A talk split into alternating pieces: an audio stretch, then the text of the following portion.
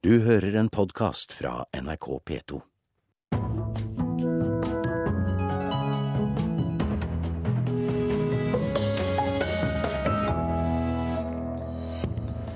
Styrelederen i Aschehoug er usikker på om det er det rette beløpet i underslagssaken som er kommet på bordet. Sivilombudsmannen mener vi ikke må ha to parallelle grunnlover, én på nynorsk og én på bokmål. Og film og teater om vanskelige tema vil føre til økt forståelse, mener Barnekreftforeningen. Du hører på Kulturnytt med Birger Kolsrud Aasund her i studio.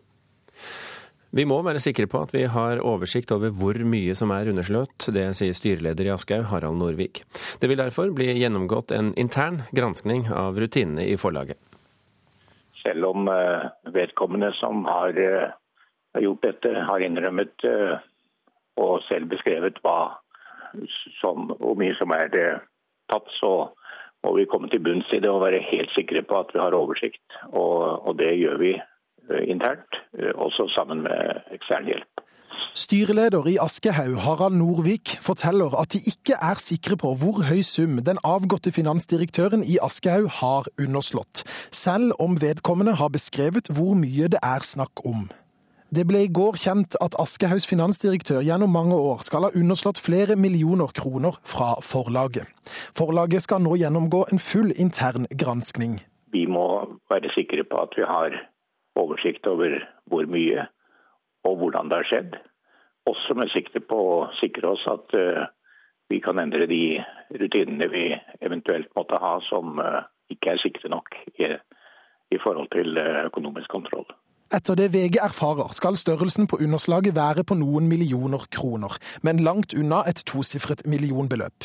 Norvik vil ikke fortelle hvor stort beløp som er underslått, men understreker at det er et meget stort beløp for forlaget. Det er et meget stort beløp for Aschehoug, og det er et vanvittig stort beløp for vedkommende. Den avgåtte finansdirektørens advokat Anne Kristine Stolt sa i går til NRK at hennes klient allerede har tilbudt seg å betale tilbake pengene forholdet er erkjent, og at han allerede har tilbudt seg eh, overfor Aschehoug å gjøre opp dette her økonomisk fullt ut. Uansett hvor stort beløpet er, har det skadet forlagets rykte, sier ansvarlig redaktør i bransjebladet Bok og Samfunn, Dag Nestegård. Ja, det er klart. Altså, Aschehoug har jo hatt eh, problemer økonomisk eh, de siste årene, særlig pga. Nordli Libris. og det er jo det minste av de tre store. Jeg vet også at det, det er mange forfattere på Aschehoug som ser seg om etter andre forlag fordi at de har levd i skyggen av Jo Nesbø. Sånn at Aschehoug har litt av hvert å stri med om dagen. Og reporter her, det var Christian Ingebretsen.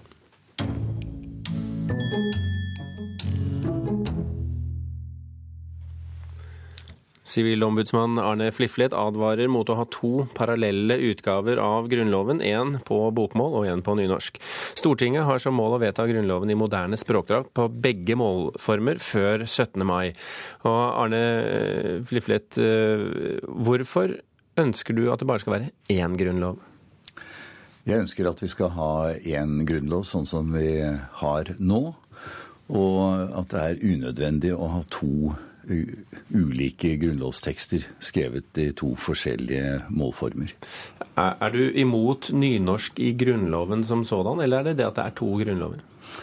Jeg er for eh, nynorsk, og for nynorsk i Grunnloven også. Jeg mener at den nåværende grunnlov er skrevet i en språkdrakt som eh, hører fortiden til. Og jeg syns det er fint at man arbeider for å få en mer Eh, moderne språkdrakt, altså en språkdrakt som er mer i pakt med vår tid.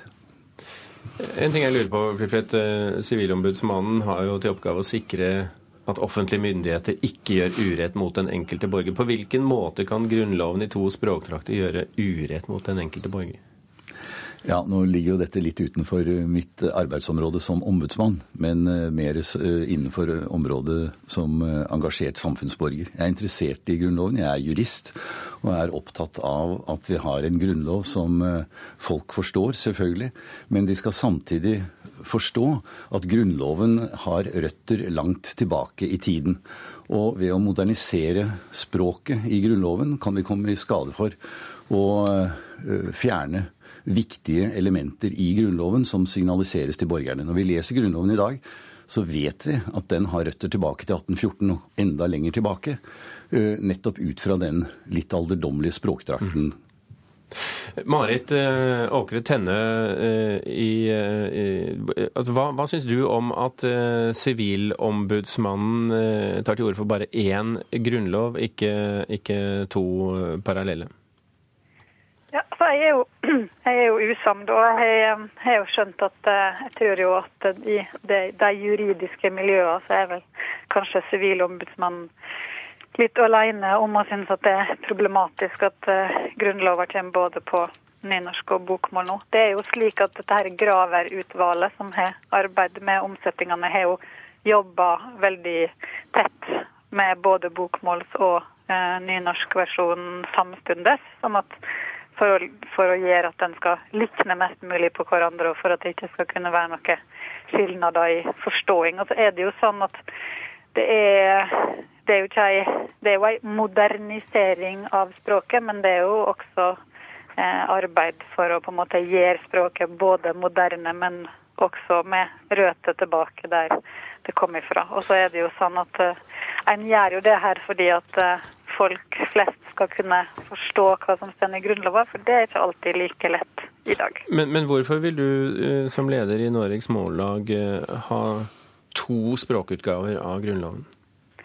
Det er fordi at vi i Norge har to jamstelte, altså likestilte språk. Og i andre land der en har samme situasjon, er det slett ikke uvanlig å ha eh, grunnlover på de to offisielle språkene. Altså når en har to språk som er fullt ut likestilt, og en skal modernisere Grunnloven, så syns jeg at det er rett å gjøre det på begge de to språkene.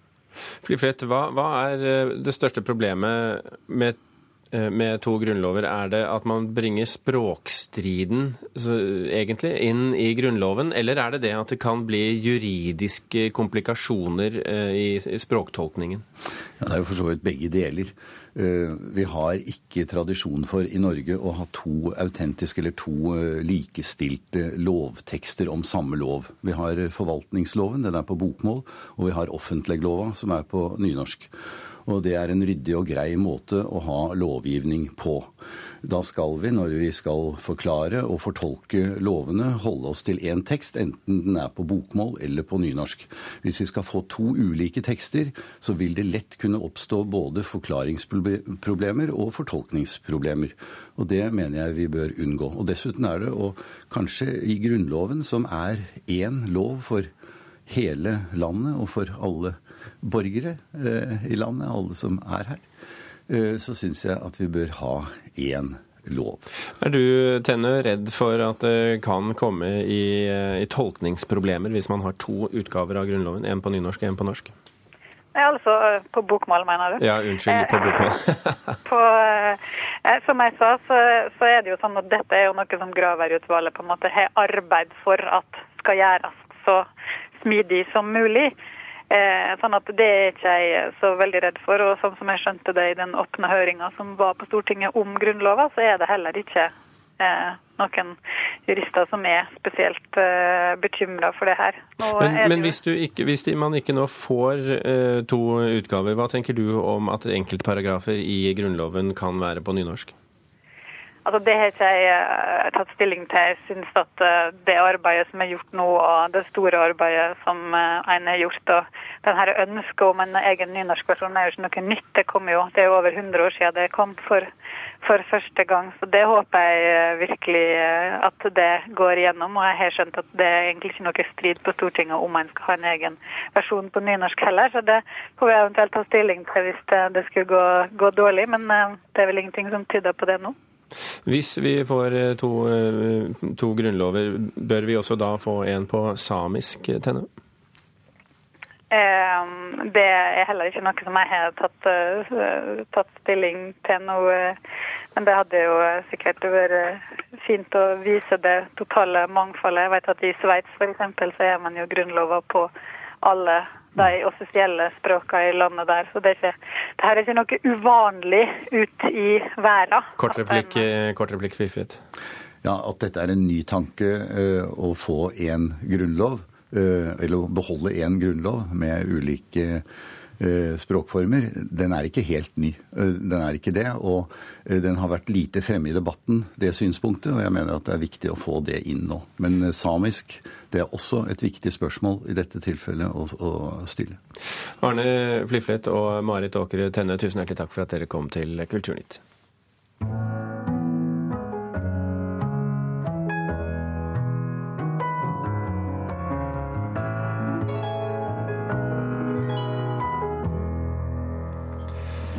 Temaet om kreftsyke barn på teaterscenen og filmlerretet vil føre til økt forståelse av et sårt og vanskelig tema. Det mener Mats Bøhle, som jobber for Barnekreftforeningen. Denne uken er det premiere på filmen 'Kule kids gråter ikke', og i Trondheim har kreften inntatt scenen. Hvorfor er det ingen som forteller at jeg skal dø? Hvorfor vil du at jeg skal fortelle deg det du allerede vet, Oskar?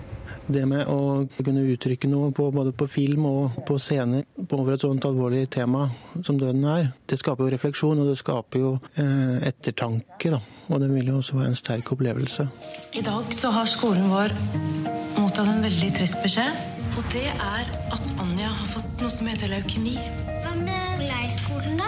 Denne uka har både filmen 'Kule kids gråtrekke' og teaterstykket 'Oscar og den rosa damen' ved Trøndelag Teater premiere. To fortellinger om kreftrammede barn som er dødssyke. Og det tror Mats Bøhle, som jobber for Barnekreftforeninga og er trivselssykepleier ved St. Olavs hospital, vil føre til økt forståelse. Det går på scene og på kino, så når det et bredt publikum, og begge har den samme tematikken. Og det, den, det med å prate om noe felles i ettertid, at det med sykdom og død som begge to tar opp her, da, det er viktig å prate om. Beinmarks transplantasjonen min var en stor skuffelse for alle. Skuespiller Ragnhild Sølberg sitter alene på studioscenen ved Trøndelag Teater. Hun spiller både den ti år gamle Oscar og den rosa dama som er sykepleier. Og ifølge regissør Kjersti Haugen har det vært en tøff prøveperiode. Jeg har en rar jobb. Jeg har grått på, på jobb hver dag nå i, i fire uker. altså ikke bare i sorg, men fordi jeg blir eh, berørt av Altså, hvem, hvem blir ikke det? Når det er et lite barn som, som går bort så altfor tidlig. Stykket er skrevet av Erik Emanuel Schmidt og er i likhet med filmen 'Kule kids gråter ikke' fylt med masse humor og glede.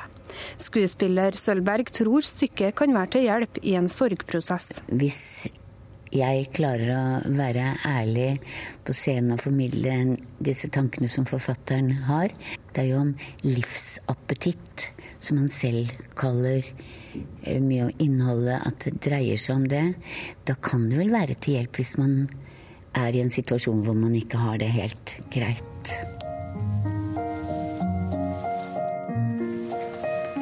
Hva betyr onkologi? Hvorfor er de så rare? Regissør av Kule kids gråter ikke, Katarina Launing, mener det er behov for både film og teater som tar opp vanskelige tema. Og hun tror at vi vil få se mer av det i framtida. Å oh, ja, absolutt. Det er akkurat det det er. Kulturen, akkurat som mote og hva som helst ellers i samfunnet vårt, går jo i bølger. Um, og det kan være nå at uh, i en tid uh, hvor alt blir veldig mye mer snuttifisert osv., så, videre, så søker vi tilbake til de store spørsmålene. Vi søker tilbake til eh, dybden. Det løfter fram et bilde og en visuelt uttrykk på hvordan det kan være. Mens da må vi tenke på at 80 eh, blir friske av den behandlinga. Men det vi som medmennesker kan gjøre i samfunnet, er å, å være til stede og vi får en økt forståelse på hvordan det kan være, og ikke minst hva de foreldrene som har et sykt barn, frykter. Lover du å gjøre meg frisk? Jeg lover å prøve så godt jeg kan. Du må love meg. Sverg på barten din. Ja, Vi hører her artisten Gabrielle, som har levert musikken til eh, filmen 'Kule kids gråter ikke', som eh, har premiere nå på fredag. Og reporter her, det var eh, Kaja Kristin Næss. Klokken er 18 minutter over åtte. Du hører på Kulturnytt, og dette er toppsaken i NRK Nyheter akkurat nå. Liv Signe Navarsetes engasjement for å flytte europaveien utenfor bygda kan havne hos kontrollkomiteen på Stortinget. Utenriksminister Børge Brende er skuffet over at Filippinene har fått under halvparten av pengene som trengs til å gjenoppbygge etter tyfonen. Nå øker Norge sitt bidrag med 50 millioner kroner. Og går du rundt i Oslo på nattestid, risikerer du å bli stoppet og ransaket av politiet selv om du ikke har gjort noe galt. København er i full gang med å gjøre om et nedlagt skipsverft klart til eh, Eurovision Song Contest i mai. Planen til Danmarks Radio er å skape et kraftfullt og nytt show på et relativt beskjedent budsjett.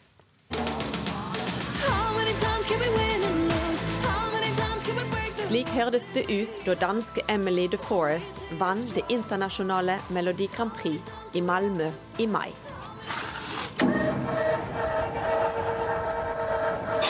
Og slik lyd porten til de to hallene som skipsverftet Burmeister og Wine bygde på 1960-tallet i København, og som nå kalles B- og V-hallene.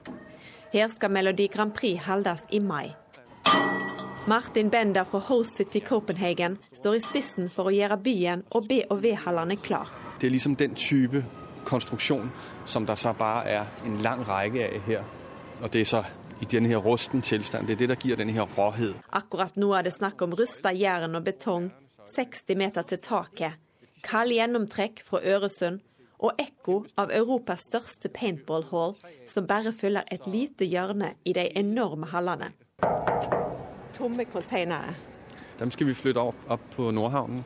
250 containere, trabantbiler og diverse rekvisitter lagret for Det kongelige teater skal flyttes. København bød seg inn med denne fantastiske bygningen. At det var en mulighet. Og Danmarks Radio kikket på det, og vi var, ble forelsket. Emily ville frøse barføtt på betonggulvet i dag. Mye skal gjøres innen dette blir en multiarena. Men det er likevel lett å se hvorfor Danmarks Radio ble forelska i skipsverftet som København kunne by på. Nå står vi faktisk nærmest innunder der hvor de kommer til å sitte meget høyt opp, publikummerne. Og nede i denne enden vil det bli bygget det her green room hvor alle artistene der skal opptre. Pernille Gårbo er Danmarks Radio sin øverste sjef for Melodi Grand Prix i København. Hun skal stå for scene og show i det som skal gå ut til 180 millioner seere. Og man skal forestille seg at i gamle dager har der gått arbeidere herinde med sveiseflammer og muskler og kraft og saft. Og alt det er stadig herinde. Stemningen er her stadig. Og så er der det helt unike at der er 60 meter til loftet. 60 meter. Vi kommer ikke til å male og pakke det hele inn. Vi vil vise det som det er. Så mens vi har lys og farver og øh, konfetti og ild og gang i den på scenen, så vil vi samtidig ha en bakgrunn hvor man kan se stålkonstruksjonen. Hallene ligger på den kunstige øya Refshaleøen, på den andre sida av Nyhavn og den lille havfrue. Vannet måske. Vannet kan vi dufte. Ja. Altså havet. Ja, havet. Ja. Men også med sykkel, sånn som du kom i dag. Man kan også gå herud. Og så kan man seile herud med både. Hvis du går opp på taget her, så kan du se at vi er meget tett på sentrum av København. Den lille havfru sitter like over på den andre siden av vannet. Danskene satser på samme budsjett som svenskene opererte med for Eurovision i 2013. 190 millioner danske kroner er satt av til showet, og ytterligere 35 millioner kroner til oppussing av byen, hallene og markedsføring. Ambisjonen er å legge oss i nærheten av det svenskene eller legge oss opp av det svenskene gjorde, både hva angår kvalitet, men også budsjett. Og København håper dette vil inspirere andre Grand Prix-verter senere. Vil måske også bli inspirert til å si at man kan godt velge å holde sånne shows andre steder enn i en sportsarena.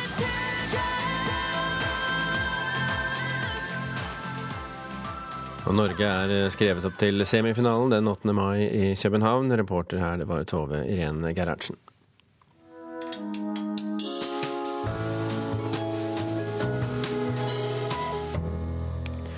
Nå skal du få et lesetips her i Kulturnytt. En bok som ennå ikke er kommet på norsk, men som vår anmelder ikke kunne vente med. For Sveriges mest høythengende litterære pris, Augustprisen, gikk i fjor til Lena Anderssons roman 'Egenmektig forfarande', en roman om kjærlighet. Om den uttalte juryen med enestående presisjon blottlegger Lena Andersson forelskelsens systematiske selvbedrageri. Og vår anmelder Knut Hoem deler juryens vurdering og mener dette er sterke saker. Hovedpersonen i den romanen jeg nå skal fortelle om, er en rasjonell, skarp og kontrollert dame. Dette forhindrer henne ikke i å bli dødsforelsket i en billedkunstner som hun har fått i oppdrag å holde et foredrag om. Når de to møtes første gangen, slår de fast at de begge er sannhetssøkende. Men så skal det snart vise seg at mens hun er sannhetssøkende i livet i moralsk forstand, så er han mer sannhetssøkende i kunsten, i livet er han litt mer, ja, hva skal vi si, omtrentlig. Når hun også etter at hun oppdager disse forskjellene mellom de to, allikevel fortsetter å ønske seg denne mannen i sitt liv overalt på jord, ja, da er det duket for komedie, eventuelt tragedie. Ja, det er vel begge to på en gang, og litt til, i Lena Anderssons svært overbevisende roman. Synsvinkelen er hos henne, hos den filosofiutdannede Esta Nilsson, Fortellerstemmen derimot, og det er det snedige her, vet mer og bedre, men også fortelleren har en egen evne til å se filosofisk på det som skjer.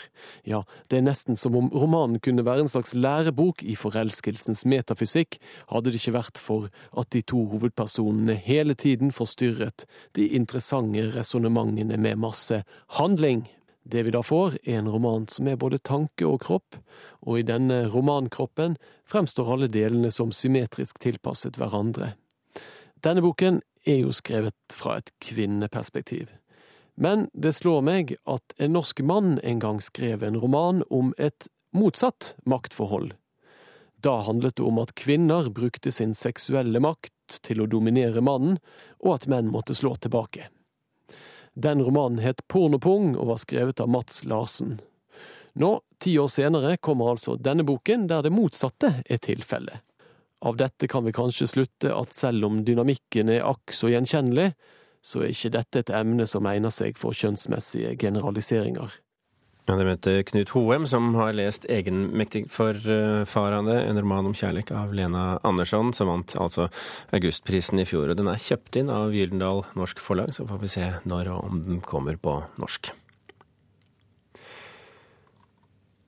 Stiftelsen Christian Radich skifter navn. Den vil ikke lenger kalles skoleskip, siden det sluttet med opplæring av sjøfolk for 15 år siden. Det sier daglig leder Einar Korvin alle kan seile med Christian Radich. Det er du og jeg og vi to som kan dra ut og seile med Christian Radich.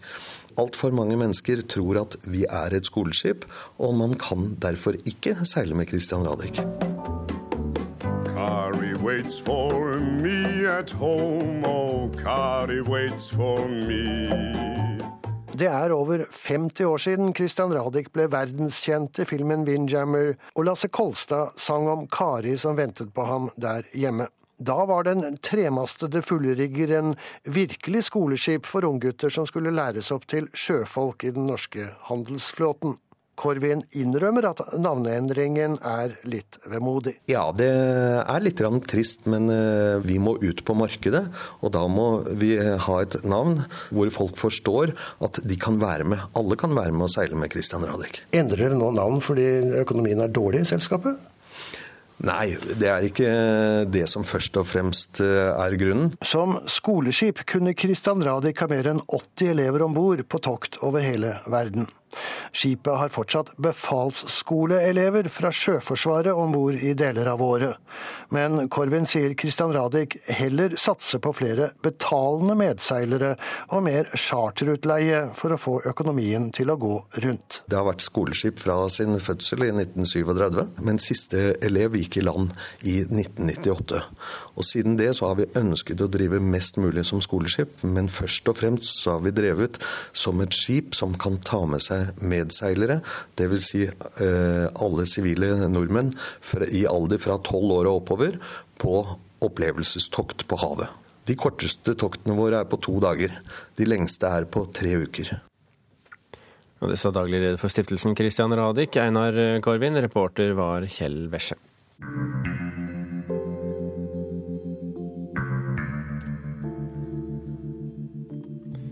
Denne musikken er det mange som kjenner igjen. Vi snakker om TV-serieklassikeren Twin Peaks. TV-serien fra 1990-91 ble en hit verden over og er i dag ansett som en av tidenes beste TV-serier.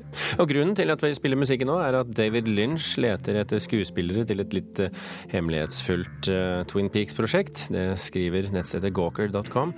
Nettstedet viser til en søknad etter skuespillere i LA, der uh, det søkes etter en het, lyshudet jente kun med mørkt eller rødt hår år til å spille servitrise i en Twin Peaks-promo regissert av eh, Lynch selv. Kulturnytt eh, runder dermed av. Vi har fortalt i dag at styrelederen i Aschehoug er usikker på om det er det rette beløpet i underslagssaken som er kommet på bordet, og Sivilombudsmannen mener at vi ikke må ha to parallelle grunnlover, én på nynorsk og én på bokmål. Vi takker av nå, eh, og vi, det er Beate Haugtrø, Vidar Sem og Birger Kolsrud Jåsund.